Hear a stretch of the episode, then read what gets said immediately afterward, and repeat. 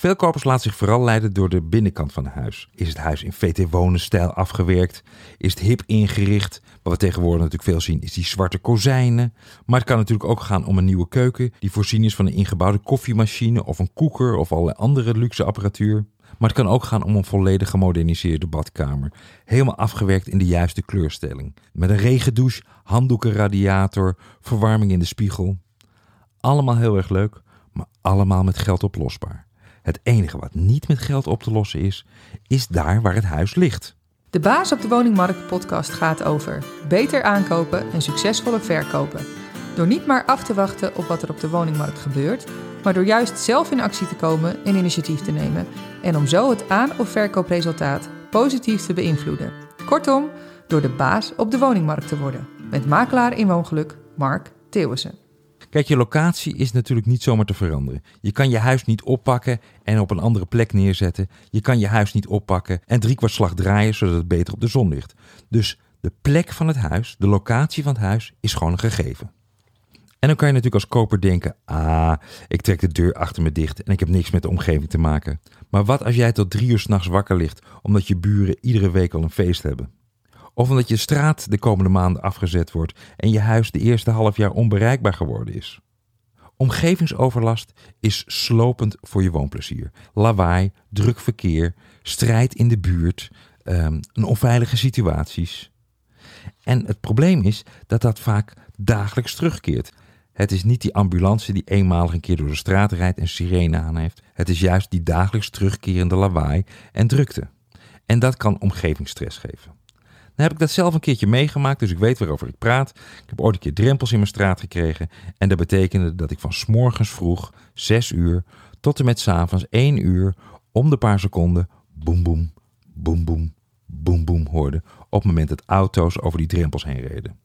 Maar goed, dat overkwam mij op het moment dat ik daar woonde en daar moest ik toen mee dealen.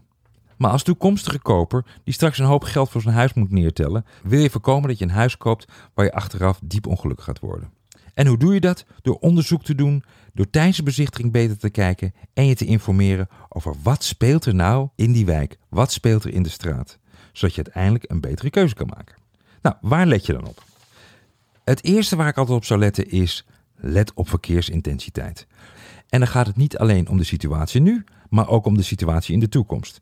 Dus ga bij de gemeente langs en kijk van wat zijn de plannen. Zijn er plannen voor drempels? Zijn er plannen voor een nieuwe afrit? Zijn er opstapplekken voor openbaar vervoer? Zijn er nieuwe stoplichten? Stoplichten betekenen altijd auto's remmen, auto's geven weer gas, trekken weer op. En als je dat net voor je voordeur hebt, word je daar gek van. Misschien moet je er nog niet aan denken als je aan het kopen bent, maar als je je huis weer wil verkopen, zal je straks misschien met een probleem zitten als er vrachtauto's langs je slaapkamer en je woonkamer rijden, want dat is namelijk een van de belangrijkste argumenten waarom kijkers afhaken. Dus pas op met woningen aan drukke straten of plekken waar de verkeersintensiteit groot is. 2. Let ook op parkeergelegenheid. Er is natuurlijk niks zo irritant als je je auto niet voor je huis kan parkeren en je met twee, drie zware tassen continu je boodschappen heen en weer moet lopen. En dan kan het tijdens de bezichtiging overdag lijken of het een rustige straat is, maar eigenlijk zou je nog een keer terug moeten gaan op het moment dat iedereen wel weer thuis is. Dus rij een keertje s'avonds door de wijk heen en kijk dan hoeveel parkeerplekken er zijn. 3. Doe gewoon ook buurtonderzoek. Loop gewoon door de buurt heen. Wat zie je in de tuin van de buren? Staat het gras anderhalve meter hoog? Staat het vol met bouwmateriaal bij de buren? Wat is daar de reden van? Zijn die mensen aan het verbouwen? Of is het gewoon een opslagplaats van iemand geworden? Zijn er hangplekken? Kijk naar graffiti. Kijk hoe schoon de straten zijn, want dat geeft misschien aan hoe vaak de gemeente langskomt om de boel op te ruimen. Kijk of er problemen in de wijk zijn. Bel aan bij buren. 4. Een ander signaal zou natuurlijk kunnen zijn dat er de afgelopen periode veel woningen verkocht zijn of dat er nu veel woningen te koop staan. Misschien zegt het iets over de buurt. Dat hoeft natuurlijk niet altijd het geval zijn, maar dat kan ook gewoon toeval zijn. Alleen loont het om het als signaal te zien en dan verder onderzoek te doen. Waarom gaat iedereen weg op hetzelfde moment? Speelt er iets in de wijk? En de laatste pro-tip die ik heb voor kopers op het moment dat je wil weten wat er in de wijk gebeurt, is het op zoek gaan naar de fly on the wall. Kijk, aan de buitenkant zie je natuurlijk niet hoe buren zijn. Nu kan je gewoon bij buren aanbellen, maar je weet nooit welk verhaal je precies te horen krijgt. En misschien is er onmin in de straat en kleuren ze daarmee het verhaal naar jou toe. En daarom is een goed alternatief het zoeken naar de vlieg op de muur. En de vlieg op de muur is iemand die altijd al deur aan deur langskomt en daardoor veel inzicht heeft in de voorkeuren en de gedrag en de eigenaardigheden van de bewoners in de buurt.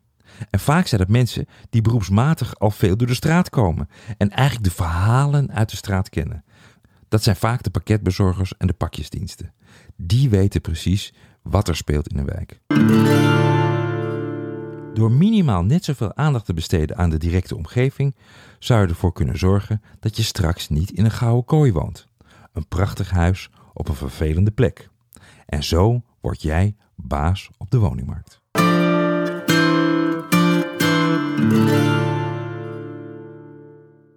Nu de woningmarkt aan het kantelen is, is het tijd voor slimme verkopers om het heft weer in eigen hand te nemen. Om de juiste kijkers aan te trekken en van hen ook goede kopers te maken, heb je een doordachte marketingstrategie nodig met een onderscheidende presentatie. Je huis alleen maar even snel op funda zetten is niet langer voldoende. Mijn boek Je huis verkoop je zo is jouw ultieme gids om je woning succesvol te verkopen.